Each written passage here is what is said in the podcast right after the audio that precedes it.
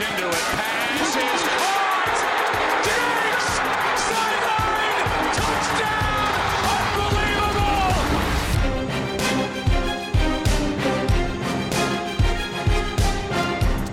Hoi, leuk dat je luistert naar de Sport Amerika NFL podcast.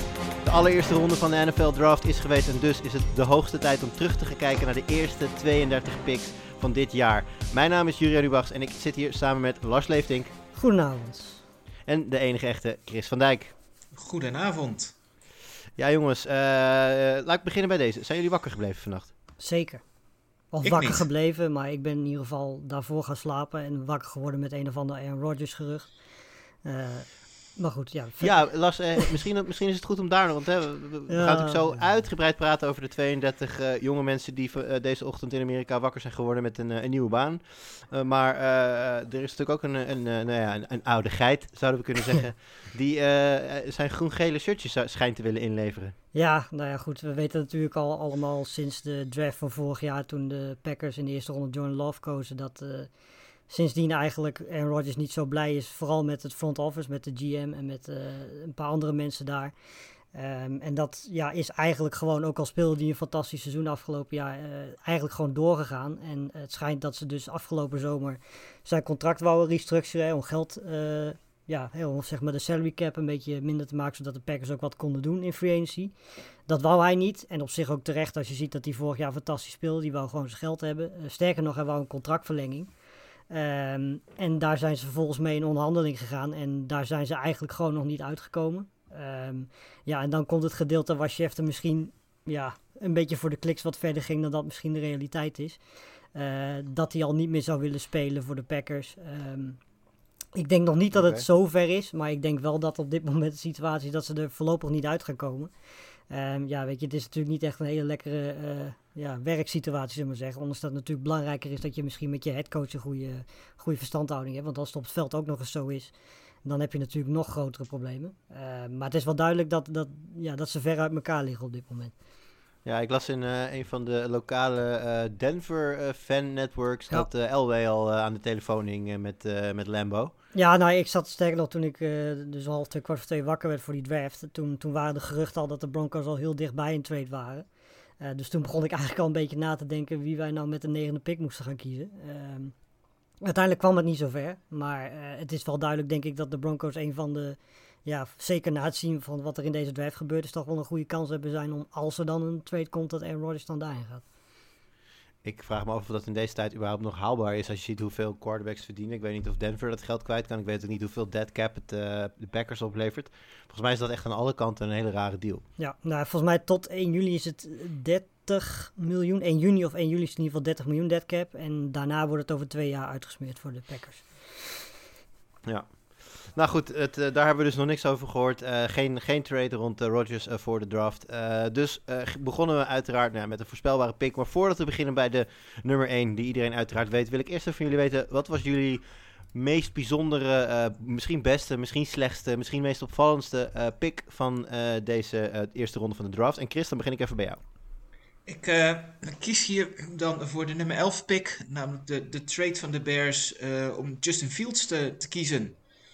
Ehm schreef best wel wat op, maar ja, ik denk dat het gewoon een ontzettend goede keuze voor, voor de Bears is. Hè. Als ze iets nodig hebben, is een, een quarterback voor de toekomst.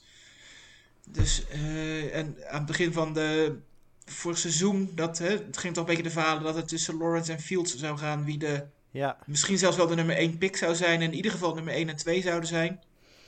Ja, dus je dan ziet hoe, hoe ver die zakt. En dat, je dan, dat hij dan bij de, bij de Bears belandt. Ik eh, kan me voorstellen dat eh, de Bears-fans enorm blij zijn.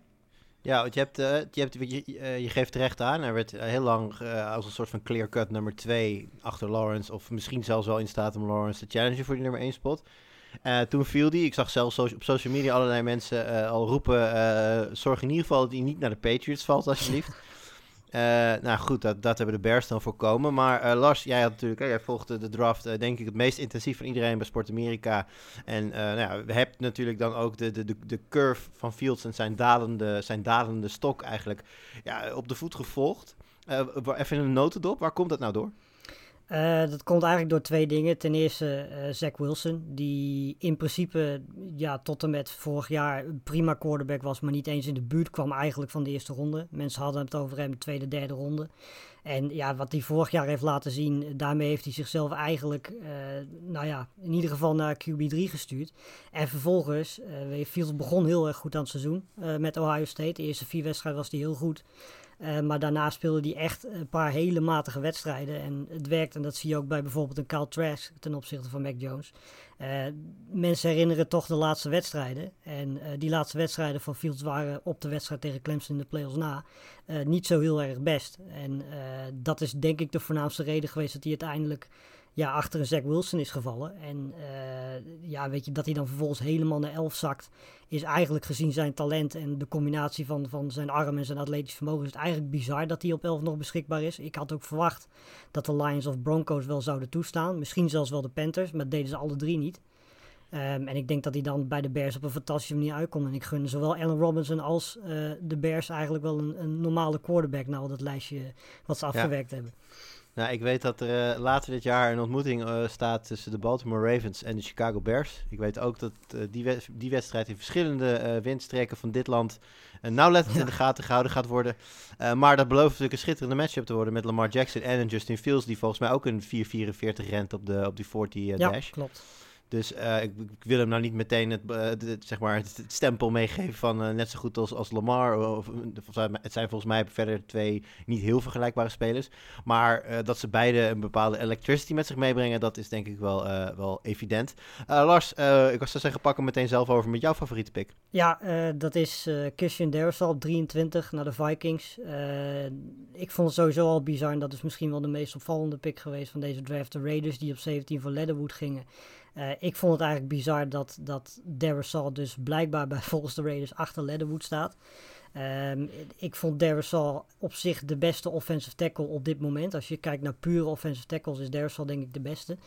En uh, ja, weet je, als je nou echt wil, wil leren hoe je de draft moet aangaan, dan zijn de Vikings wel een, franchise die het elk jaar weer voor elkaar krijgen om, om en picks te verzamelen en gewoon ook daadwerkelijk die picks goed uit te voeren. Uh, nou, ze zaten op 14. Ze hadden het gevoel dat bijvoorbeeld een Darisaw uh, of een andere uh, offensive lineman op, op 23 ook nog beschikbaar zou zijn. En als dat niet zo was, hadden ze daar een edge rusher kunnen kiezen. Veel beter dan dat ze op 14 konden. Um, ja, dat hebben ze fantastisch uitgevoerd. En Darisaw op 23 is echt, uh, echt een stiel. Ja, rond, uh, rond dezelfde plek. Ik weet even niet meer exact de plek. Maar volgens mij Justin Jefferson hebben ze ook op die manier uh, zo ongeveer weer. Ja. Het is bijna een blauwdruk. Het is bijna dezelfde strategie die ze vorig jaar hebben ge gedaan. En nou, we weten natuurlijk allemaal hoe dat afgelopen is met, met Jefferson. Dus ja. wat dat betreft veel ogen gericht denk ik op, op Darisaw. nou, ik vind hem zelf ook nog in. En dan richt ik me in het bijzonder even tot één persoon. Onze vaandeldrager, onze aanvoerder, onze onbevreesde host van deze podcast. Ton de Vries. Die... Um, samen met nou, jou Lars en volgens mij met Jimmy een, uh, een mock draft heeft gedaan. En uh, jullie hadden allemaal een, een team onder je of meerdere teams onder je Die deden om en om de picks op die manier. En toen kwam het bij pick 15. en Ton die ging picken namens de New England Patriots. En ik moet je heel eerlijk zeggen, ik was zo flabbergasted. Ik heb niet onthouden wie hij was. Het, hij ging wide receiver, denk ik. Michael Parsons ging die. Ja, dus um, ja, goed. Ik denk dat ik niet de enige was die die podcast had te luisteren en, en dacht... Huh? Ja. Want uh, ja, nou ja, goed. En dan is dat een bruggetje naar mijn favoriete pick van deze avond. Uh, Belichick heeft zijn, uh, zijn nieuwe quarterback binnen. ondanks dat hij na de, na de draft meteen zei... Cam Newton is nog steeds onze quarterback. En nou ja, wij gaan pas een move maken daarin. Als ofwel Jared Stidham, die er nog steeds rondloopt. Ofwel Mac, Mac Jones, de nieuwe quarterback. laat zien dat hij beter is. En nou ja, of dat gaat gebeuren is een tweede. Maar ja, Mac Jones op 15. En dat is natuurlijk vooral opvallend omdat uh, ja, in, de, in de dagen voor de draft zijn er natuurlijk overal geruchten over trades. De mensen maken mock drafts. En eigenlijk was iedereen er soort van overtuigd dat of Denver of New England of misschien wel allebei uh, omhoog zouden gaan treden. Om maar te zorgen dat ze een van de top 5 quarterbacks in deze draft uh, zouden krijgen. Um, nou, dat is niet, niet, alleen is dat niet gebeurd. Denver ging niet eens quarterback in de eerste ronde. En mede daardoor viel Fields dus, zoals we net hebben besproken, naar de Bears. En konden de Patriots op hun eigen 15e plek heel rustig Mac Jones van het bord halen. Nou heb ik het idee, en Lars, uh, correct me if I'm wrong. Volgens mij, als je kijkt naar naar dat true skill level en dat soort dingen, dan is dit eigenlijk een klein beetje een reach. Want dan hoort Mac Jones volgens mij iets meer in de 20 regionen thuis. Eh, maar- ja, eind eerste ronde, begin tweede ronde. Ja, precies. Maar voor een team met toch een heel duidelijke need op quarterback en over het algemeen ja, toch wel redelijk steady spelers. eh, op andere plekken, eh, ja, je moet dan, we, we weten allemaal hoe lastig het is om een franchise quarterback te vinden. Eh, de Patriots hebben die uiteraard in Cam Newton niet in huis, dus dat maakt dit volgens mij een hele logische pick. En het maakt ook nog eens sens, omdat Belichick erg gecharmeerd is van Mac Jones. Het is, nou ja, ik wil niet zeggen publiek geheim, maar volgens mij stond Jones van de haalbare quarterbacks. Dus dan moet je, de- degene die vrijwel zeker in de eerste picks gingen, die kun je vergeten. Van de haalbare quarterbacks was dit volgens mij ook zijn favoriet. Dus ik denk dat het een slam dunk is voor eh, de New England Patriots. En hij is ook fan En- van Nick Saban, Saban's spelers, hè? Dat, eh, Ja, dat. Nou, Mac Jones zei ook meteen de juiste dingen. Hij, eh, eh, het, het werd hem nog even gevraagd of wat hij er nou van vond. Dat, eh, dat zoveel teams die ook wel eigenlijk een quarterback nodig hebben, hem lieten lopen. En toen antwoordde hij dat hij blij was dat hij voor de beste franchise in de NFL kon spelen. Dus nou goed, dat, hè, dat zijn de dingen die je dan moet zeggen. Dat doet hij heel erg goed.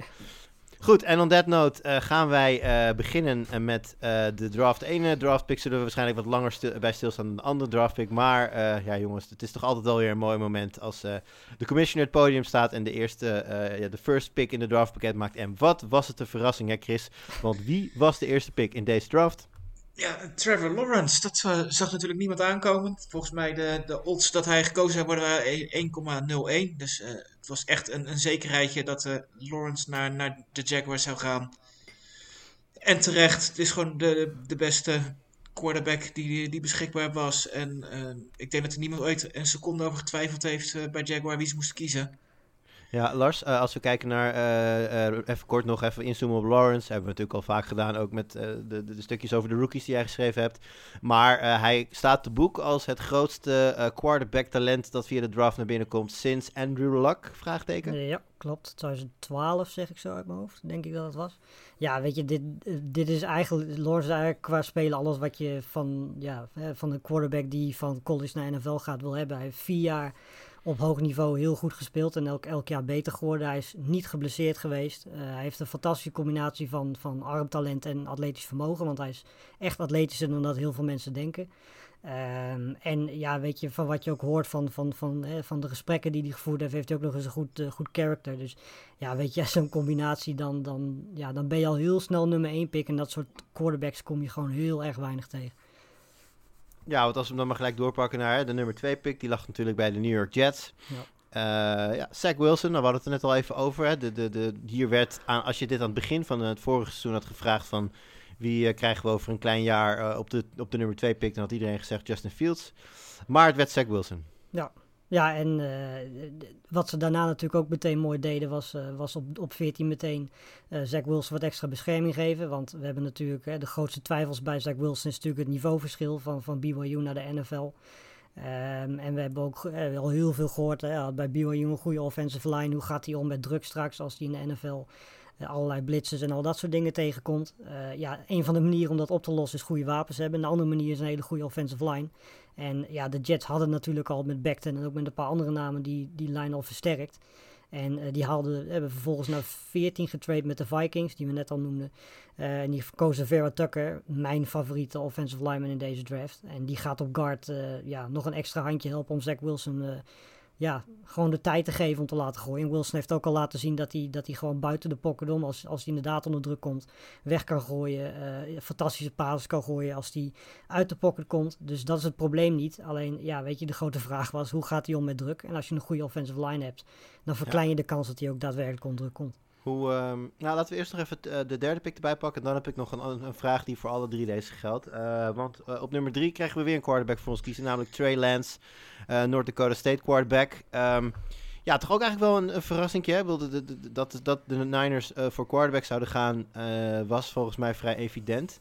Maar ik had het idee dat Trey Lance juist de derde was van de namen die op dat moment nog over waren. Of zie ik dat heel erg verkeerd?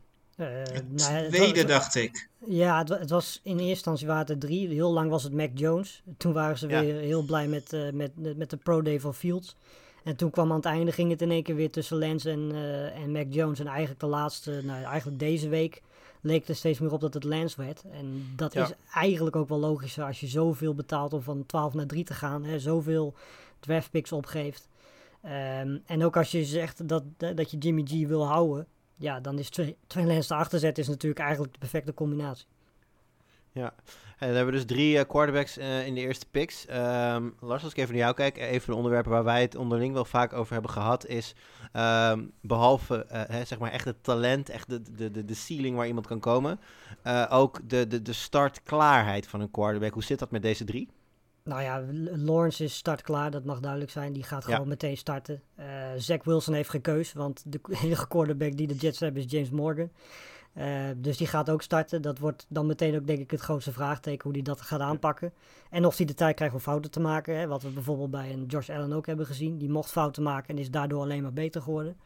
Eh, dus Ja. de vraag is of de Jets daar geduld in hebben. En ja, weet je, ik denk dat Trey Lance, eh, Justin Fields en Mac Jones allemaal in het begin zullen, eh, ja, bank zullen zitten.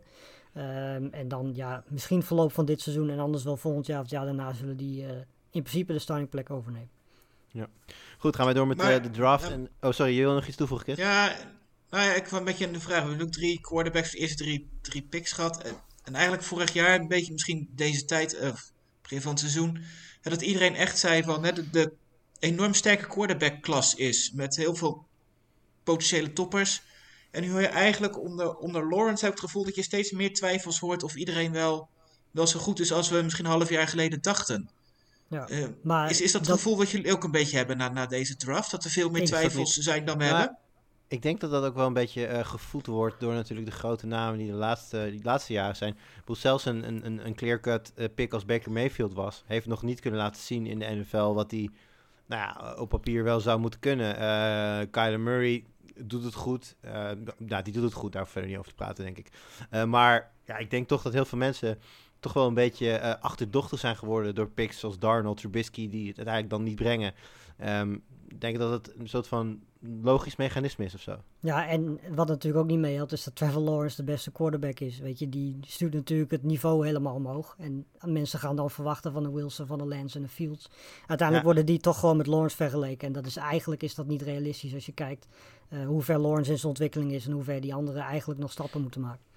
Nee, maar ik, ik hoor nu al mensen zeggen hè, dat, dat Zach Wilson eigenlijk misschien helemaal geen, niet eens een duidelijke verbetering is ten opzichte van Sam Darnold bij de Jets. En dat ze misschien beter toch wel gewoon Darnold hadden kunnen houden. Ja, nou, ik ben daar niet de, de persoon voor om daar antwoord op te geven. Want ik ben, ik ben een groot fan van Zach Wilson. Dus, eh, ik, Maar eh, eh, Chris, voor dat soort mensen, dat, eh, daar is een naam voor, die noem je haters. en, eh, en wat doen haters ook alweer? haten. Precies, haters will hate. hey jongens, we gaan even door. Eh, Atlanta Falcons pakken op plek 4 Kyle Pitts. En eh, Chris, volgens mij is dit een pick die iedereen en zijn moeder goed had in zijn mock draft. Ehm, als je niet voor de trade was gegaan, wel denk ik. Hè? De, de, de kans dat de Falcons voor een, nieuwe quarterback zouden gaan was vrij klein.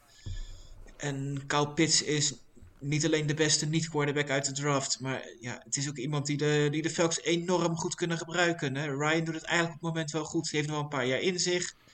Hè, ze hebben Ju- Julio Jones nog. Nu gaan er wel wat geruchten dat ze die misschien zouden willen traden. Maar ja, je zou eigenlijk zeggen, hou hem. En dan heb je gewoon twee enorm goede wapens, goede quarterback. En dan ben je qua aanval al een heel groot gedeelte op weg. Dus wat dat ja, wat natuurlijk, ook, wat natuurlijk ook helpt is dat ze daar dit jaar Arthur Smith hebben rondlopen. Wat een veel Ja. offensievere coach is dan eh, Dan Quinn. Dus eh, dat zou ook nog wel eens eh, interessant kunnen gaan worden voor de fit daar voor, voor Kyle Pitts. Het is natuurlijk bekend, Lars, dat Pitts volgens mij wat tekort komt als het gaat om zijn blocking game. Maar voor al het andere is hij volgens mij simpelweg elite. Eh, ja, zeker. En dat, dat tekortkomen de blocking game, dat valt op zich ook wel mee hoor. Zijn run blocking is op dit moment gewoon prima. Het is in, in ieder geval zover dat, dat ja, weet je, Floor hem gewoon gebruikt heeft ook in, als, als, als blokker. Vooral als run blocker, weet je, want in pass protection hoef je pits niet te zetten, daar wordt niks. Eh, maar als run blocker kan die prima, nu al prima functioneren. En daar kan die in, in de NFL alleen maar beter van worden. Is, eh, ja, met, zoveel, met zoveel goede rookie QB's is natuurlijk de Rookie of the Year eh, al heel snel weggelegd voor een Lawrence. Maar is Ja. Pitts daarin een sneaky, sneaky outsider? Nou ja, als, als, je, als je gewoon buiten de quarterbacks kijkt, is Kyle Pitts dat zeker. Ook al gaat hij natuurlijk wel heel veel concurrentie krijgen met al die receivers en wapens die ze hebben in Atlanta. Maar ja, weet je, puur zijn, zijn, zijn touchdown gevaar alleen al zou ervoor zorgen dat hij daarbij in de discussie komt, denk ik. Goed, gaan we door. Eh nou, de Cincinnati Bengals, we weten Arme allemaal het verhaal. Burrow. Arme, ja, we weten allemaal het verhaal daar. Eh, nou ja, Lars, leidt het maar even in. Ja, nou goed. We hebben natuurlijk eh, vorig jaar, ik denk dat we ook wel de, Hè, de verschillende Mike Tubbs van eh, Joe Burrow. Ik kan me er een herinneren dat ik hem meer hoorde kreunen dan dat ik hem daadwerkelijk hoorde praten, omdat hij zo vaak op de grond lag. En uiteindelijk leverde dat natuurlijk ook een blessure op. Ik kan me ook nog een foto herinneren dat op het moment dat volgens mij iets was met Joe Burrow, dat de hele offensive line op de bank zat. terwijl hij ergens mee bezig was. en uiteindelijk levert het hem dus ook een blessure op.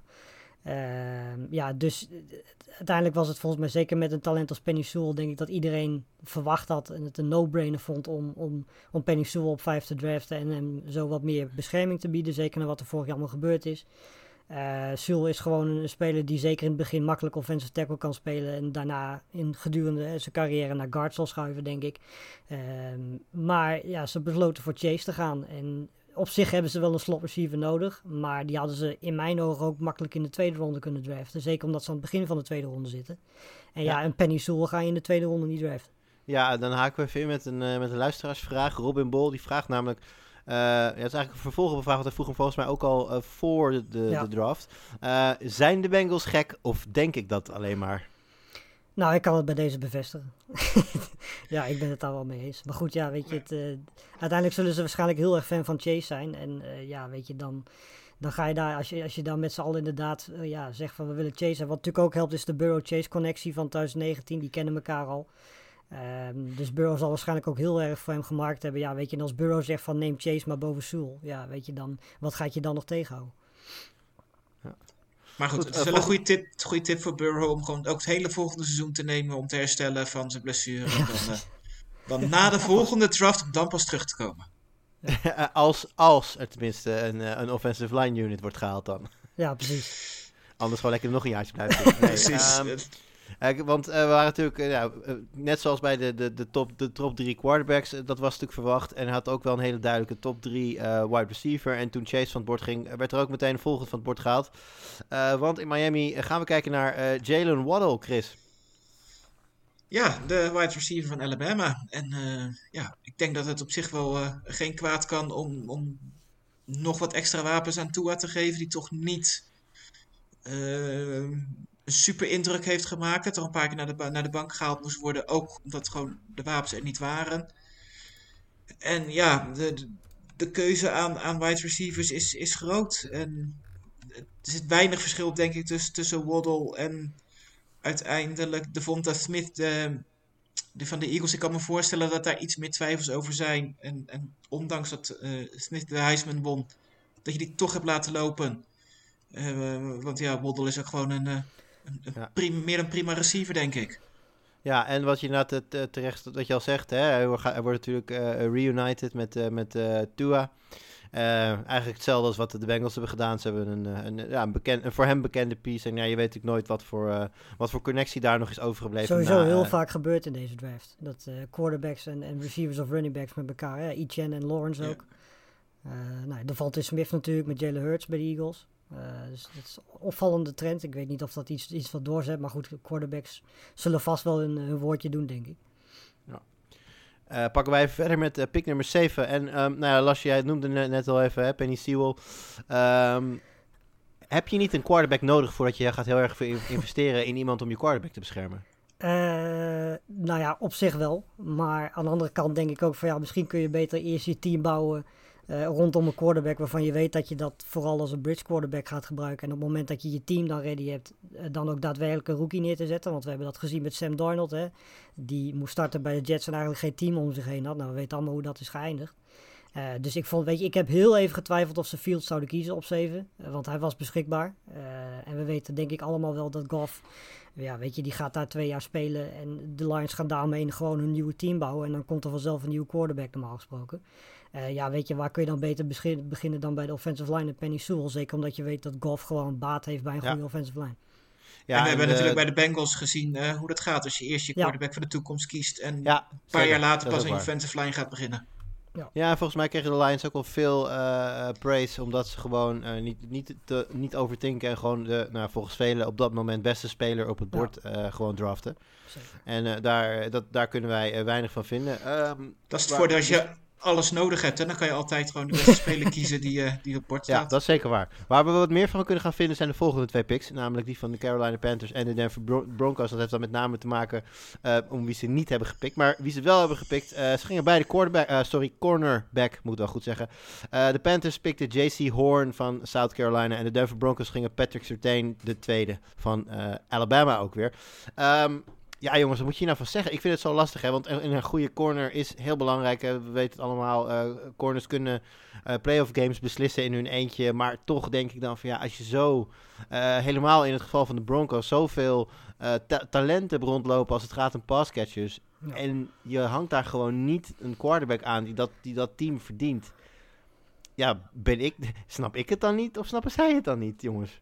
Nou, ja, ze hebben natuurlijk wel Teddy Bridgewater toegevoegd, hè? Wat zei je, Lars? Ze hebben natuurlijk wel uh, Teddy Bridgewater toegevoegd, de Broncos. Ja, bedankt voor je bijdrage. Lars, Chris, wat vind jij ervan? Nou ja, je weet natuurlijk niet wat de, de, de Broncos weten, wat, wat wij niet weten. Hè? We, hebben, we beginnen even met, met Larsje te praten. Maar ja, goed, als zij natuurlijk al weten, over drie weken komt uh, Rodgers hierheen. Dan, ja, dan hoef je natuurlijk ook geen... Uh, ja, nee, dat is inderdaad geen, wel een silver lining. Als, uh, en, als zij al weten dat ze inderdaad... En uh, vergeet, laten we ook niet Jimmy Garoppolo. Uh, wel even van een andere statuur dan Rodgers. Maar ja, die heeft natuurlijk wel gewoon ooit een keer een, een Super Bowl gehad. Dus mits fit, een zekere startable quarterback. Dus nou, ook niet helemaal uitgesloten dat daar nog een trade voor gemaakt gaat worden. maar dan nog, jongens, deze twee picks. als we ze even inhoudelijk bekijken, Lars, Horn en Surtain. Uh, nou ja, weet je, het zijn vergeleken met Caleb Furley zijn dit twee hele safe cornerbacks wat dat betreft. Uh, amper tot geen blessures gehad. Op het allerhoogste niveau in, in college gespeeld, de SEC. Certain zelfs in de playoffs, uh, bijna alle jaren. ja, allebei gewoon hele goede spelers. Horn is meer press coverage, meer fysiek. En Certain is meer, ja, toch weer meer afstand, hè, wat meer zone. Uh, maar in principe allebei prima top 10 picks. En ik snap het eerlijk gezegd van de Panthers wat meer. Ondanks dat ik misschien een Slater betere keuze had gevonden daar. want als je dan volop eh, voor Sam Donald gaat en je weet al dat je defense redelijk getalenteerd is. Je hebt er vorig jaar al heel veel in geïnvesteerd. Uh, en je weet dat die offensive line echt gaten heeft. Zeker op left tackle. En een Slater is beschikbaar, had ik die gekozen. Uh, maar goed, Horn als cornerback erbij is ook prima. Maar dat van de Broncos, ja, dat snap ik niet helemaal. Als je ziet dat je inderdaad een fuller hebt toegevoegd. dat je inderdaad daar al getalenteerde spelers hebt lopen. Ja, ik had Michael Parsons daar ook heel graag gezien. Omdat zij echt qua middle linebackers heel erg dun zitten. Um, maar goed, weet je, het zijn geen slechte picks. Uh, er zijn sowieso eigenlijk in deze eerste ronde geen slechte picks geweest, zo'n beetje. Um, maar dit zijn wel twee picks, zeker die van Surtain, waar je kunt denken van ja, dat hadden ze misschien iets anders in kunnen vullen. Ja. Als we doorpakken, gaan we, nou komen we nog even die derde uh, wide receiver tegen, uh, die wordt net al even genoemd, Devonta Smith. Um, ja, werd al gezegd, er wordt weer samengevoegd met waarschijnlijk Jalen Hurts. al weet ik niet of überhaupt Philadelphia al bevestigd heeft dat dat de starter is nee. dit jaar. Dus dat, uh, maar goed, dat, uh, gezien de manier waarop hij het seizoen afsloot, lijkt me dat een, uh, een, een, aanname. Um, ja, wie, just wie, er lijken me ook geen ja? andere opties. Nee, is ook zo. Op dit moment. En het is natuurlijk wel een duidelijk signaal, denk ik natuurlijk, dat ze Hurts kiezen terwijl zowel Fields als Jones op bord waren. Ja. ja. dat nee, ze zelfs de trade naar boven doen en, en niet van quarterback kiezen. Dat ze toch wel duidelijk voor Hurts willen gaan. Ik heb ook wel eens gehoord dat als je al een quarterback hebt uh, die startwaardig is en je gaat dan een rookie quarterback uh, draften, dat de bestaande quarterback dan boos wordt. Maar dat, dat weet ik niet. Uh, ik hoor dat, je dan, M dat hij dan het jaar daarna wel MVP wordt. Dus misschien ja. ze kunnen Vol doen voor Hurts. Volgende pick. ja, goed. op 11 dan de Chicago Bears. Daar hebben we het over gehad. traden omhoog en halen Justin Fields van het bord. waarschijnlijk hadden zij zelf ook niet gedacht dat het een optie zou zijn. Uh, was het wel. En uh, goed, ze halen de pick van de, die oorspronkelijk van de Giants was op. En uh, draft the Fields, daar hebben we het over gehad. Dan op 12, Micah Parsons. Dan komen we bij de linebackers, Lars. Ja, en dit, ja, dit is een beetje hetzelfde als met Furley. Beide zijn top 10 talenten, maar een beetje dingen qua blessures, qua uh, qua tweets, qua dingen op eh, gedrag op social media. Ook wat, hij is ook een keer geschorst op high school, geloof ik. Nou is dat niet zo heel bijzonder. Uh, maar had geloof ik rellen veroorzaakt. waardoor hij uiteindelijk van school is gegooid. Nou goed, dat soort dingetjes hebben ervoor gezorgd dat Parson niet in de top 10 is geëindigd. Ehm, en ja, dat hij dan bij de Cowboys terecht stond is misschien wel heel ironisch wat dat betreft. Maar ja, ze hadden hem misschien niet per se nodig. Maar ja, de Cowboys wouden cornerbacks op 10. En die waren net voor hun neus weggehaald. Dus toen hebben ze teruggetraind naar 12. En uh, ja, daar konden ze Michael Parsons makkelijk halen. En ook nog uh, volgens mij één of twee picks extra uh, erbij halen. Dus ja. wat dat betreft hebben ze het goed gedaan. Derde, derde ronde krijgen ze er nog bij. Ja, dus, precies. Nou goed, en ze hebben gewoon best play available gekozen. Ja, de, ik, ik eh, moet wel zeggen, wat ik, wat ik veel gelezen heb, is dat eh, Dallas niet per se zijn grootste needs meteen heeft, eh, heeft aange, aangepast, aangepakt. Eh, wat je al zei, inderdaad, eh, cornerback is niet gelukt. Maar goed, wie weet, de, de draft is nog lang. Eh, pakken we door. Uh, Rashawn Slater, ja, Lars, jij noemde hem net al even, volgens mij bij de Panthers die Ja. gaten hebben. De Chargers kiezen ervoor om hun gaten wel op te vullen en doen dat natuurlijk niet in de laatste plaats, doordat ze natuurlijk vorig jaar de doorbraak hebben gezien van Justin Herbert. Ehm, ja, dit lijkt mij een hele logische pick, of niet? Ja, zeker. Ze hebben een gat op, eh, op left tackle en daar kan Slater eigenlijk ge- direct starten. Slater kan ook nog guard spelen. Ze hebben natuurlijk ook Corey Linsley er al bij gehaald als center. Dus ik denk dat Justin Herbert een eh, heel blij man is geweest. Terwijl hij eigenlijk niet gespeeld heeft de afgelopen paar maanden. Is hij toch eh, gewoon beter geworden. En ik denk dat dat eh, iets is waar eh, teams als bijvoorbeeld de Bengals wel een voorbeeld aan kunnen nemen. Ja, dan komen we op de pick- pick 14 uit van de Jets. Nou, is al even genoemd natuurlijk, toen we het over Wilson hadden. Eh, zij voegen meteen een, eh, een offensive tackle slash guard toe in eh, de vorm van Elijah Fair Tucker. ehm, out of USC. Ehm, ja, ik denk dat dit nou echt een schoolvoorbeeld is van geleerd van vorig jaar met Burrow, waar we nu inmiddels al een aantal keer hebben gerefereerd. Goede quarterback en zorg dat je hem eh, ehm, beschermt. Meer hoeven we er denk ik niet over te zeggen. Nee. Ja, ze geven misschien iets wat veel op om omhoog te traden, vind ik. Maar Ja, nou ja, ze hadden in principe op 23 ook prima iemand eh, kunnen kiezen. Ehm, maar goed, ja, weet je, als, als je echt heel erg fan zijn van hem, ja, dan, dan kun je, weet je, de Jets hebben zoveel picks dat je in principe wel een gokje kunt wagen en, en een paar packjes omhoog kunt traden om uh, Vera Tucker te krijgen. Ze hadden volgens mij 74 picks. Nee, dat valt mee. nee, dat, nou goed. Op eh 15 eh, hebben we het over gehad. New England Patriots pakken hun eh, quarterback for the future in Mac Jones van Alabama. En dan komen we op 16 eh, bij de volgende linebacker uit. Zeven Collins. Chri- Chris. ja, ik weet niet. Ja, ik, ik weet eigenlijk niet, zo- ook niet wat ik ervan moet vinden. Het wordt sowieso wel, wat moeilijker op dit niveau. wat verder in de draft komt om dat niveau in te schatten, vind ik. Ehm Maar we hebben een cheatcode voor. Hè? De, de cheatcode heet Lars. nou ja, precies. Want ik heb zoiets van, ja, het is prima, maar ik word er ook niet heel warm van. En zeg van, god, dit gaat de Cardinals echt een, set- een stuk verder helpen richting die titel of de playoffs. Ja. Nou ja, we hebben natuurlijk vorig jaar al gezien dat de Cardinals eh Isaiah Simmons hebben, hebben gedraft. Die zo'n beetje overal op het veld kan spelen. Nou, dat is in principe met zeven Collins ook zo. Die kan d- outside linebacker spelen, die kan edge rusher spelen. Die kan zelfs als het moet inside linebacker spelen. Ehm, en volgens mij hebben de Cardinals vinden dat wel, wel prettig. Dat ze zulke spelers on, defense hebben die echt op verschillende plekken ingezet kunnen worden. Die gewoon naar de bal toe kunnen gaan en, en zich daarop op een beste manier kunnen laten zien. Collins is meer in backfield te vinden dan dat hij ervoor staat. Ehm, en dat is ook zijn kwaliteit. En ik denk dat die daar ook gaat gebru- gebruikt worden in combinatie met bijvoorbeeld een J.J. Watt. Ehm, ja, het is misschien een beetje vroeg, zeker omdat hij natuurlijk met Tulsa op een niveau heeft gespeeld waar je van kunt denken, ja, is dat eh, in- inderdaad een niveau wat je kunt vergelijken met NFL? Absoluut niet. Het, het niveauverschil is gewoon groot. Eh, maar dat is in principe ook het grootste, ja, het grootste vraagteken, want dit is misschien wel een van de meest atletische spelers in, in, in deze draft.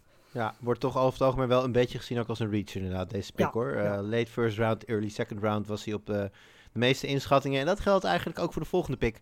Eh, want eh, ja, Lars, jij gaf het al een beetje aan natuurlijk eh, met jouw favoriete pick, Darisaw. En toen refereerde je al even aan de Raiders. Die op 17 eh, Alex Leatherwood namen. En volgens mij, als ik zo snel kijk, is dat wat in ieder geval van NFL, of nee, van een andere website, de laagste grade die in ieder geval hierbij staat, krijgt. Leatherwood werd namelijk ingeschat als ja, ergens in de, in de tweede ronde. Eh, en wordt hier eh, ja, toch halverwege de eerste ronde al van het bord gaat. Terwijl ja, Christian Darisaw, die al noemde, uh, Steven Jenkins er nog waren. Ehm, Is dit een kwestie van huiswerk slecht gedaan? Nou ja, we hebben het vorig jaar bij de Raiders natuurlijk ook gezien. Die kozen natuurlijk eh Clinton Farrell. Ik weet niet, was dat de vierde pick of zo? Of de achtste pick? Terwijl die echt eind eerste ronde pas werd, eh, werd gemokt. En ja, Arnett geldt hetzelfde voor. Die was eigenlijk een, een tweede of derde ronde cornerback. En die kozen ze ook gewoon de eerste ronde. Ehm, dus het lijkt erop dat de Raiders zich niet zo heel erg veel aantrekken van wat anderen vinden. En gewoon ja, de spelers halen die ze willen hebben. En de- voor Leatherwood geldt een beetje als ze hem op guard zetten, dan is hij echt wel een, een, een talent voor de eerste ronde. Maar op het moment dat hij door de Raiders wordt gehaald als tackle, dan, dan is hij echt wel meer een tweede of derde ronde waard. Dus het, het is een beetje de vraag hoe ze hem zien. Ehm, maar zelfs dan nog is het een grote gok om hem boven een Darisaw te nemen. Om hem boven een Jenkins te nemen die nog niet eens gekozen is. Eh, maar goed, ja, we hebben het voorgaande jaren ook gezien. De Raiders doen gewoon vooral wat ze zelf eh, willen. En vinden vooral gewoon de spelers die ze, die ze willen kiezen, die kiezen ze. Ongeacht of het vroeg of laat is. En daar hoort Leatherwood ook bij.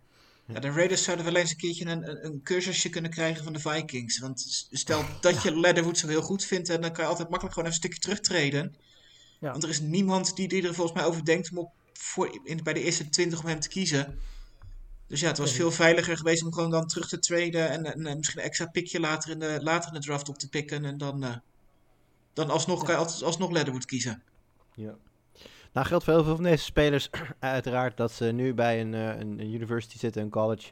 En eh, naar ergens anders in het land moeten om, om hun pro-career te beginnen. Maar dat geldt niet voor Jalen Phillips, edge rusher van Miami. Gedraft door de Miami Dolphins. Dus eh, die eh, kan lekker, eh, ik weet niet waar die woont, eh, maar hij zal met zijn salaris misschien zijn huis iets kunnen upgraden. Maar eh, hij kan in ieder geval lekker in het warme Miami blijven. Eh, ja, en de eerste edge rusher van het bord, volgens mij, eh, over het algemeen wordt hij wel gezien, Lars, als de beste pure edge rusher in deze draft, eh, Phillips. Ja, klopt. Inderdaad, alleen eh, vanwege de blessures bij UCLA eh, is hij eigenlijk niet een top 10, top 15 pick. Dus eigenlijk ook weer een beetje een situatie die ook Fairley en, en Parsons hebben. Zijn alle drie gewoon top 10 picks. Alleen ja, vanwege dingen buiten het veld zijn ze eigenlijk wat gezakt. En, en inderdaad, Phillips qua puur talent is hij eh, de beste edge rusher. En ja, weet je, het ligt er gewoon aan als hij fit kan blijven, is het, een, is het echt een stiel. En als hij inderdaad doorgaat met die blessures, dan eh, ja. Ja. Maar ik vind het, Dolphins vind- hebben veel, eh, veel picks natuurlijk, dus die kunnen een gokje nemen met zo'n speler natuurlijk. Ja, ik vind het interessant hoor. Vooral ook omdat ik vind de Dolphins defense, nou, sowieso het laatste jaar, ja, sneaky good zou ik bijna willen zeggen. Ja, dus niks sneaky aan natuurlijk. Je ziet het gewoon allemaal gewoon keurig in de stad Ja. terug. Maar eh, spelen, spelen gewoon goed hoor. Zeker niet bij de mindere defenses in de, in de, in de NFL. Dat maakt dit denk ik een hele interessante pick. Ook omdat ze natuurlijk uh, Tua al van hulp hebben voorzien. Dus dat kan eh, nog wel eens heel interessant gaan worden tussen, nou, ik denk primair Miami en de Bills. En ja, goed, de Jets natuurlijk ook leuke dingen gedaan. Dus dat kan nog wel eens een hele interessante divisie gaan worden. Dat we dat ooit nog konden zeggen. Ja, dat dat inderdaad de, de drie voetvegen van de Patriots gaan het met elkaar uitvechten wie, eh, wie hem gaat winnen. En wie weet wat de Patriots... Nou goed, maar daar komen we een andere keer op terug, want we gaan lekker verder.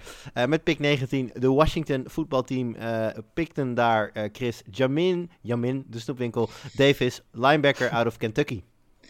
Ja, dat was weer eens een verrassing. Dat is altijd fijn als je die er- ertussen hebt zitten. Want anders wordt het ook weer zo saai. Maar ja, jong, onervaren nog. Hè. Volgens mij 10, 11 keer een basisplek gehad in, de, in zijn college carrière. Dus ja, ehm, is, is hij dan al zo snel klaar voor de NFL? Ja, hij schijnt heel, atletisch te zijn. Maar ja, is dat goed genoeg om, om er gelijk te staan? En, en gaat hij daarmee Washington verder helpen? Toch een ploeg die afgelopen jaar de playoffs gehaald heeft, divisie gewonnen. Eh, ik had eigenlijk verwacht dat, dat ze dan toch wel zouden kiezen. Misschien voor een, een speler die er direct zou staan. Misschien nog een, een, iemand op de offensive line. Zoiets. Dus eh, een verrassing. En in hoeverre, eh, Lars, is het verrassend dat hij eh, hier wordt gekozen en eh, bijvoorbeeld niet een... ja, ik ga proberen uit te spreken. Owusu Koromoa. Ja, nou ja, ik denk dat dat vooral te maken heeft met het feit dat de Washington voetbalteam hun twee starting inside linebackers, dus Bostic en de andere ben ik even vergeten, die zijn volgend jaar transfervrij. En in principe zijn hun outside linebackers hebben allemaal nog een contract voor twee jaar. Eh, dus ik denk dat Davis vooral een pick is voor de lange termijn. Dat ze die dit jaar achter Bostic en die andere inside linebacker willen hebben. Zodat Davis volgend jaar de, de, ja, de starter kan worden op die positie. En ik denk dat dat de overweging is geweest. En het is natuurlijk ook leuk om nog een andere, eh, eh, ja, toch wel eh, exciting rookie op die plek te zien. naast Chase Young, die er natuurlijk rondloopt. Zeker. Goed, komen we op plek 20. Eh, nou ja, we noemden al, net al, we hebben geapplaudisseerd voor de Bears die omhoog hebben getrade om Fields te, te, te draften. Dan komen de Giants natuurlijk ergens terecht. En dat is op plek 20 waar de Bears vandaan kwamen. En die nemen eh Kadarius Tony. En dat is ook een interessante hoor. Want als je toch in, het, eh, in de free agency eh, Kenny Galladay toevoegt. als, als eh, Giants zijnde. En je weet dat je star running back Barkley, Saquon Barkley, terugkomt van een zware blessure. En nou ja, naar alle verwachtingen gewoon gezond aan het seizoen zal kunnen beginnen. En je voegt er ook nog eens een, een leuke rookie aan toe in de eerste ronde van de draft. Terwijl je ook nog Shepard en Slayton hebt lopen en Evan Engram. Dan eh, denk ik dat de aanval van eh, eh, Daniel Jones als quarterback er toch behoorlijk lekker uitziet, eh, jongens. Ja, ik denk dat er nu voor, voor Daniel Jones niet zoveel excuses meer zijn. Die heeft nu eigenlijk gewoon alles. Ja, je kunt over de offensive line misschien nog iets zeggen. Eh, maar in, in over het algemeen over de wapens heeft hij niks te klagen. En ik denk dat Tony ook perfect past daar. Omdat hij ja, weet je, een echte slot receiver hadden ze nog niet. Volgens mij heeft Shepard daar wel een beetje gespeeld. Uh, maar ik denk, weet je, Tony op, op als slot receiver, zeg maar, aan de binnenkant met Engram. En dan, ze hebben ook nog John Ross opgepikt, uh, die we nog wel eens bij de Bengals af en toe wel eens uh, ja. zagen spelen. Dus ja, de Giants hebben nu echt aanvallend gezien heel veel opties. En ze hadden eigenlijk alleen nog geen slot receiver en die hebben ze nu met Tony gevonden.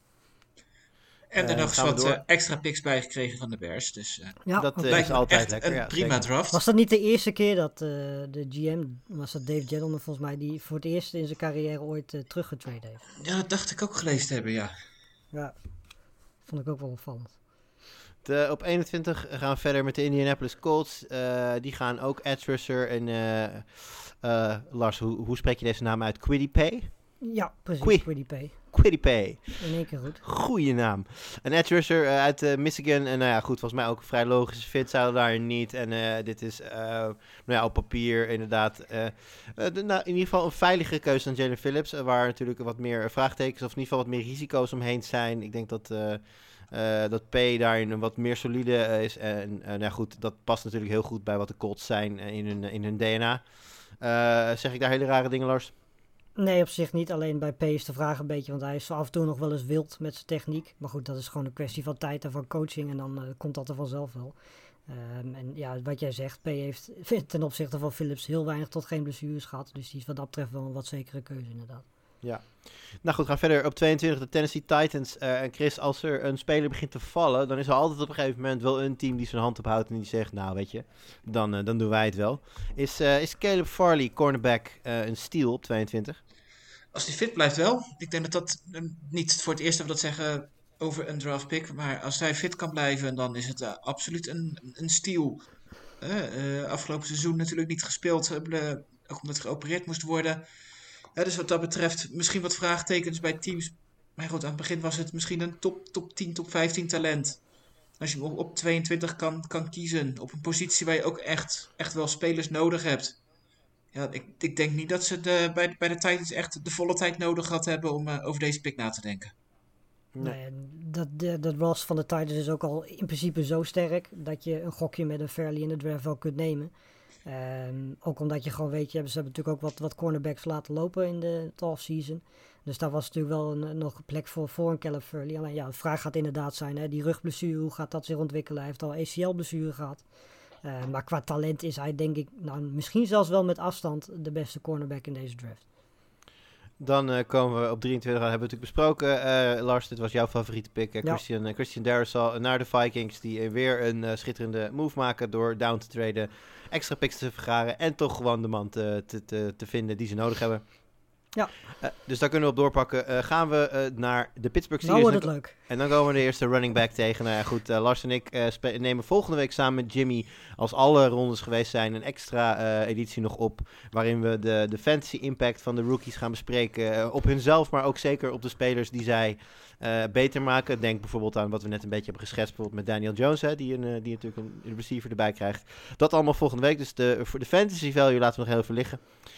Maar Pittsburgh Steelers gaan Najee Harris, running back out of Alabama, als vervanger voor James Conner natuurlijk. En ik denk dat dat wel een behoorlijke upgrade is, of niet dan Lars? Ja, zeker. Het is, het is in principe ook het type, het type running back wat de Steelers graag hebben. Uh, vooral natuurlijk een inside, inside running back. Uh, niet per se heel veel snelheid, puur snelheid, maar wel een ongelofelijke atleet. Ook redelijk goed in, uh, in de passing game, dus daar kunnen ze hem ook in gebruiken. Ook al doen de Steelers dat op zich niet heel vaak met running backs. Um, maar ja, weet je, het grootste probleem is natuurlijk wel dat die offensive line wordt ook steeds ouder. En uh, is, ja, weet je, het is toch voor, voor een running back en voor een running game ook wel heel belangrijk dat de offensive line goed is. En uh, daarom was er ook best wel wat kritiek. Sowieso natuurlijk als je een running back in de eerste ronde kiest, is de kritiek. Um, maar zeker als dan ja, de offensive line die er eigenlijk voor staat, eigenlijk misschien niet goed genoeg is om zo'n zo'n pick als Najee Harris dan te verantwoorden. Uh, dus ja, weet je, misschien hadden ze hier een offensive lineman die ze makkelijk hadden kunnen kiezen. Uh, moeten kiezen dan in de tweede ronde running back. Misschien was dat handiger geweest. Maar ja, weet je, als je geen running backs hebt, dan is het heel lastig om een Najee Harris niet te kiezen, denk ik. Ja, dat uh, ben ik het uh, helemaal mee eens. Uh, we blijven nog even bij de running backs. Ik zei net dat de Raiders de slechtste pick in de eerste ronde hadden op 17. Maar ik denk dat ik mijn mening ga bijstellen. Want als we eventjes de, de, de, de tijd terugspoelen, jongens. En we, we denken nog even terug aan de opkomst van James Robinson. Undrafted vorig jaar. en ontwikkelde zich als een van de beste, meest stabiele jonge running backs in de NFL. wat doen de Jaguars? die kiezen na uiteraard al Trevor Lawrence hebben gekozen met de eerste pick. Travis Etienne uh, running back van Clemson. Nou ja, goed, Kent Lawrence goed. Uh, is het misschien dat dat de hele reden is of is hier meer aan de hand? We hopen dat er meer aan de hand is. Ja, dat hoop ik ook. Want uh, we hebben natuurlijk al uitspraken gehoord dat, dat ze Etienne als third down back zien. En dat ze naast Robinson natuurlijk ook Carlos Hyde, die ze ook hebben gehaald, dat dat de first down back zijn. Nou, ik kan me bijna niet voorstellen dat je op pick 25 een running back kiest puur om een third down back te zijn. Dus dat, ik denk dat iedereen daar wel een beetje doorheen kan kijken. Um, maar ja, weet je, het is ten eerste eigenlijk ook een beetje respectloos richting James Robinson, wat hij vorig jaar heeft laten zien. En dat je dan vervolgens twee running backs er gewoon bij haalt. Weet je, tuurlijk is het op die positie belangrijk om, om, hè, om breedte te halen. Maar ik dacht eigenlijk dat Robinson en Hyde een prima duo zou zijn. Uh, en het tweede wat dit natuurlijk een rare pick maakt, is dat de Jaguars over, nou wat is het, pak een beetje 6, 7 picks gewoon weer mogen kiezen. En waarschijnlijk heel makkelijk iets en daar ook hadden kunnen kiezen aan de eerste pick van de tweede ronde. Ja, ja, en inderdaad, uh, de Jaguars hebben natuurlijk nog voldoende anderen niet. Uh, hadden best wat defensive help kunnen gebruiken. Uh, zeker, je geeft je aanval natuurlijk sowieso een boost met je quarterback. had een, een, extra piece genomen om die te beschermen. Ik weet even uit mijn hoofd niet 1, 2, 3 hoe sterk hun line momenteel is. Maar als je een eerste ronde value offensive lineman erbij kunt halen... heb je altijd meer depth. Is altijd beter voor je, voor je nieuwe quarterback. Ja, en dan een positie die, denk ik, waar je, waar je sowieso al niet bij de slechtste teams in de NFL hoorde. Daar dan voor gaan in de eerste ronde is, uh, is een rare keuze. Ja, eens. Maar goed, uh, rare keuzes maken ze ook wel eens in, uh, in Cleveland. maar dit keer viel het wel mee. Cleveland Browns gingen cornerback met Greg Newsom uit, de out of Northwestern. zien jullie hier nog iets heel raars in? Nou ja, ik, dacht in eerste instantie eventjes, omdat ik me kon herinneren, vorig jaar of het jaar daarvoor hadden ze natuurlijk Greedy Williams uh, gedraft. En ik dacht van ja, weet je, dan heb je met, met Williams en met Ward volgens mij al twee hele goede cornerbacks. Uh, maar er zei een, een Browns-fan van mij, ik ben even de naam kwijt, die zei uh, op Twitter dat, dat Greedy Williams geblesseerd was geweest en ook niet zo'n hele goede indruk gemaakt had. dus misschien verklaart dat deze pick van Greg Newsom een beetje. Want ja, weet je, Greg Newsom is, is eigenlijk misschien wel de meest solide, solide cornerback die je in deze draft kan krijgen. Um, en ik denk wat dat betreft dat het uh, voor Greedy Williams nu wel heel erg interessant wordt om te zien waar hij heen gaat. Want hij zal zijn niveau wel wat moeten gaan verhogen met zijn komst. Maar goed, als, ja, je, denkt, als, je, uh, als, je, als je ziet dat Cleveland uh, eh, 500 yards opgaf in een, een playoff wedstrijd tegen Ben Roethlisberger, dan lijkt het me verstandig ja. dat je in ieder geval iets in de verdediging erbij haalt. Ja, dat ja. sowieso, ja. Ja, het is inderdaad een speler, wat je ook al aangaf, die wordt geroemd om zijn, om zijn slimheid, om neusje voor de bal. En ook op de, ja goed, daar kun je natuurlijk over discussiëren, maar in ieder geval een van de, of misschien wel de beste speler die op dat moment nog op het bord stond. Dus dat uh, maakt het een logische pick. Gaan we verder. Uh, Baltimore Ravens, Rashad Bateman, Lamar Jackson krijgt nog wat hulp. En die hulp komt uit Minnesota. Um, ja, ook een hele logische keuze, denk ik. We hebben vorig jaar natuurlijk, uh, na het schitterende jaar van, van Jackson 2019, toch een wat moeizamer jaar gezien, denk ik, van de Ravens. Waarbij vooral de, de passing game een aantal keer niet van de grond kwam. Marquise Brown, die de eerste 12, 13 weken van het seizoen nowhere to be found was. Dus dat daar uh, wat hulp nodig was, dat uh, lijkt me duidelijk. En uh, Rashad Bateman is die hulp. Ja. pakken we hem door. New Orleans Saints. Lars, de volgende. Edge rusher, Turner. wat kun je over hem nog vertellen? nou ja, heel simpel. Dat eigenlijk op een week, nou ja, week na, eigenlijk niemand had verwacht dat uh, Peyton Turner eigenlijk de eerste ronde zou halen. Maar ja, vanwege zijn combinatie van lengte, atletisch vermogen en ook blijkbaar de manier waarop hij over voetbal praat, wanneer, de manier waarop hij, waarop hij nadenkt, blijkbaar zijn ze heel erg fan van zijn karakter. En ja, weet je, de Saints zijn dan iemand die ook de afgelopen jaren wel eens, net zoals de Raiders picks hebben gedaan, die in principe qua mock drafts eh, niet heel erg logisch zijn. Uh, maar goed, ja, dat doen ze hier natuurlijk wel. Ze hebben natuurlijk Davenport volgens mij een optie gelicht. Uh, maar goed, die zou dan volgend jaar wel transfervrij zijn. Dus misschien dat ze daar al een beetje op inspelen door uh, Turner te draft. Dan komen we straks op pick 30, weer de volgende edge rusher, Gregory Rousseau. Chris, die leg ik zo meteen bij jou neer, maar we gaan eerst nog naar Pick 29, de Green Bay Packers. Ja, nou ja, goed. We weten allemaal wat rond deze tijd uh, vorig jaar gebeurde. Toen werd John Love uh, gedraft. er werden al wat grapjes gemaakt dat Cal Trask dit, dit, keer gedraft zou worden. Nou, dat is gelukkig niet gebeurd. Ehm, ik moet zeggen dat ik, ik had gehoopt misschien op een receiver, en Elijah Moore dan voornamelijk. Ehm, anders misschien een center in, in uh, Dickerson, want we hebben op dit moment eigenlijk geen center.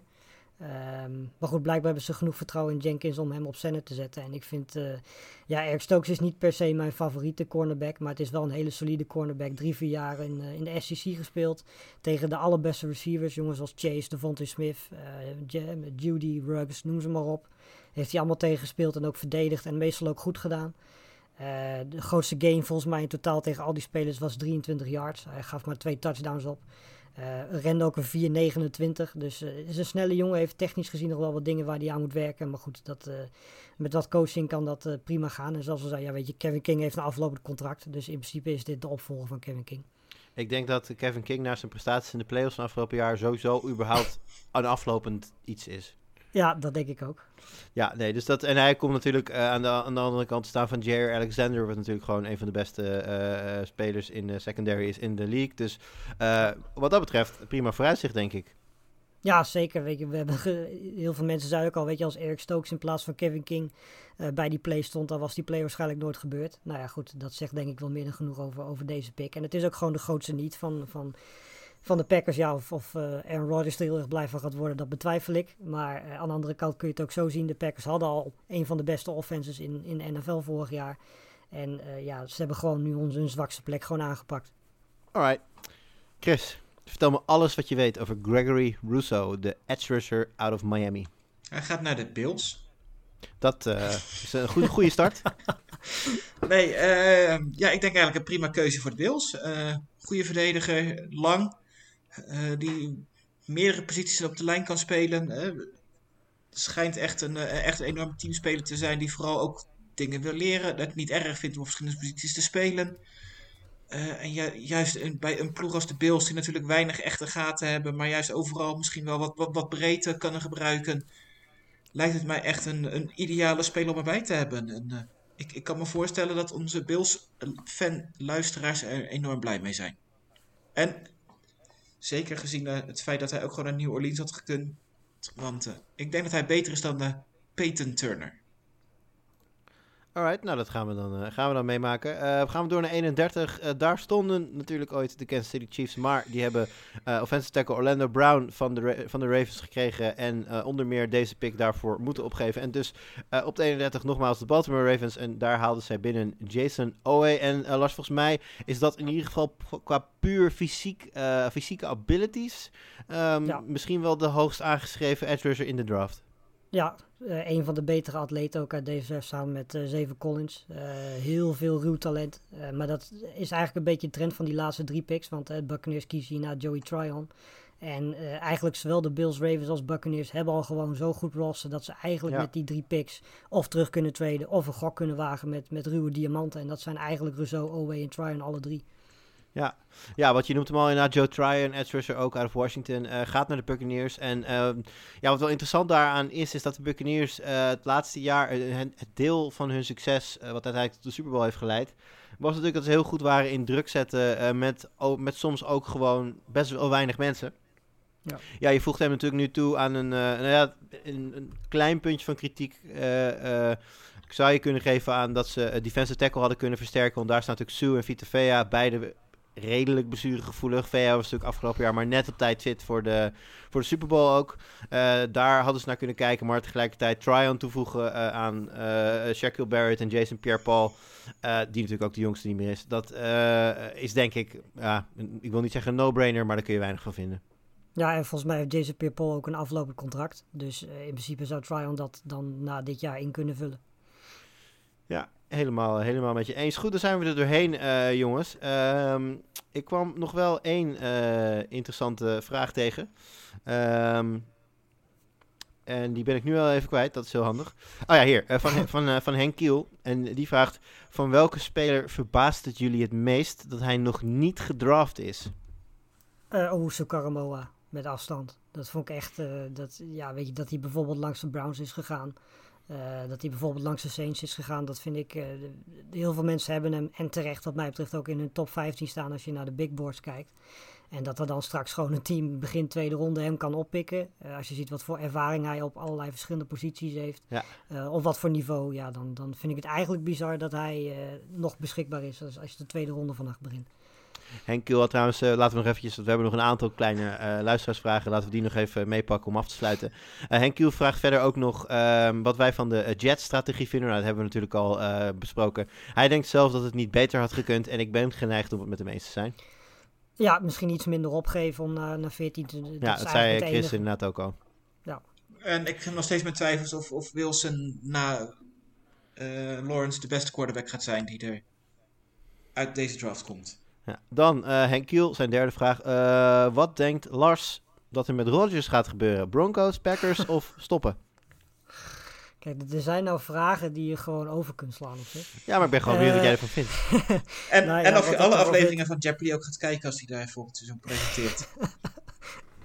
uh, ja, wat weet je, je kunt niet een, uh, een quarterback die ontevreden is in een team houden, want dat heeft ook effect op de rest van het team. zelfs als het om Aaron Rodgers gaat. Um, zoals ik het nu zie, denk ik dat, dat de kans groot is dat het voorlopig nog wel even zo blijft. En zeker nu we de draft gehad hebben, iedereen zijn quarterback heeft. Uh, zijn eigenlijk ja, bijna alleen de Broncos nog over. Uh, ja, weet je, en, en de prijs gaat, gaat flink zijn, zeker omdat, hè, zoals we al zeiden, de, de dead cap gewoon heel groot is ja. voor, de, voor de Packers. Dus ja, weet je, ik zie het voorlopig eigenlijk niet gebeuren. En ik heb stiekem hoop dat ze uiteindelijk dan toch nog een soort van contractverlenging eruit weten te persen. Maar ja, weet je, ik kan me niet voorstellen dat die relatie tussen Aaron Rodgers en, en het front office, dat dat nog uh, heel erg veel beter gaat worden. Ik kan me ook niet voorstellen dat hij op deze manier zou stoppen in de NFL. Dus dat, uh, die, dat, kunnen we, die kunnen we ook wel doorstrepen, denk ik.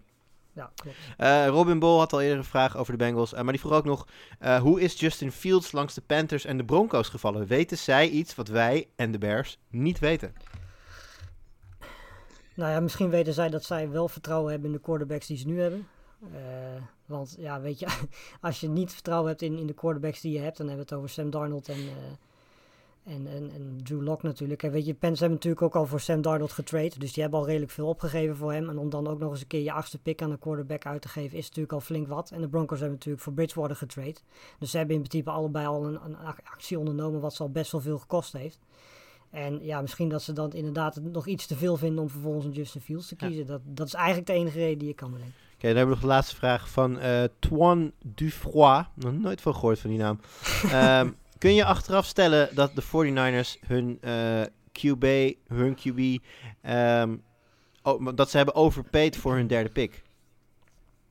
Dat... Dus dat ze hun, ja, hij zegt dat ze hun QB hebben. Ze hebben hem in, weliswaar, maar dat ze flink overpaid hebben voor die derde pick. Dat kun je niet, denk ik niet alleen achteraf stellen, maar dat is eigenlijk al voor de draft toch al een beetje de conclusie dat het uh, een enorme prijs is geweest die ze hebben betaald voor, voor hun quarterback. En ja, ik denk dat je achteraf alleen maar kunt, kunt, pas kunt zien of het, of terecht is of niet. Is Lens, zo, Lens zo goed als iedereen denkt? En uh, ja, lastig. Ja. Oké, okay, dan uh, gaan we nog. Uh, zijn jullie er nog? Ja hoor. Zeker. Oké, sorry, ik dacht even dat jullie weg waren gevallen. Maar dat maakt niet uit, want we zijn bijna aan het einde. Want, uh, nee goed, het is nu, uh, op het moment wij het opnemen, 9 uur s avonds op vrijdagavond. Dat betekent dat over een uurtje of vijf de volgende ronde uh, aftrapt. dus daar gaan we dan weer naar kijken. Um, jongens, nog één, ik wil nog één vraag aan jullie. Eén naam die nu de waarschijnlijk komende nacht van het bord gaat, waar jullie het meest benieuwd naar zijn, waar die gaat landen. Steven Jenkins. Ja, dat is heel terecht. En jij, Lars? Uh, Aziz Ojolari, voornamelijk omdat hij eigenlijk een first round pick was, maar vanwege wat, uh, wat, wat problemen bij zijn medical, geloof ik, is hij nu weggezakt. Dus ik ben heel benieuwd wie er een gokje waagt met, uh, met Aziz Ojolari, zeker nu er zoveel edge rushers aan het eind van de eerste ronde zijn. Oké, nou dan voeg ik daar nog uh, running back Javante Williams aan toe, omdat ik heel benieuwd ben. Uiteraard vanuit fantasy oogpunt. Nou, zijn fantasy waarde. nou, uh, uiteraard vanuit fantasy oogpunt. Uh, en als hij bij de Jets of de Falcons terechtkomt, dan ben ik een, een, blij mens. En er is een goede kans dat ik hem in een van mijn dynasty teams kan gaan, gaan oppikken. Alles daarover hoor je uh, volgende week. Wat ik zei het al, Lars en Jimmy en ik uh, gaan over uh, volgens mij precies een week. Hè? Ja, vrijdagavond ja. volgende week gaan we die opnemen. Dus die zal dan in het weekend daarop online komen. En dan bespreken we de, de fantasy football impact van al deze rookies. Hè? Dus dan zullen we totaal niet kijken naar de defense. Maar vooral wel naar de quarterbacks, de tight ends, de wide receivers en de running backs. en je alles daarover vertellen. Voor nu, jongens, bedankt. luisteraars, bedankt voor het luisteren. En tot de volgende keer.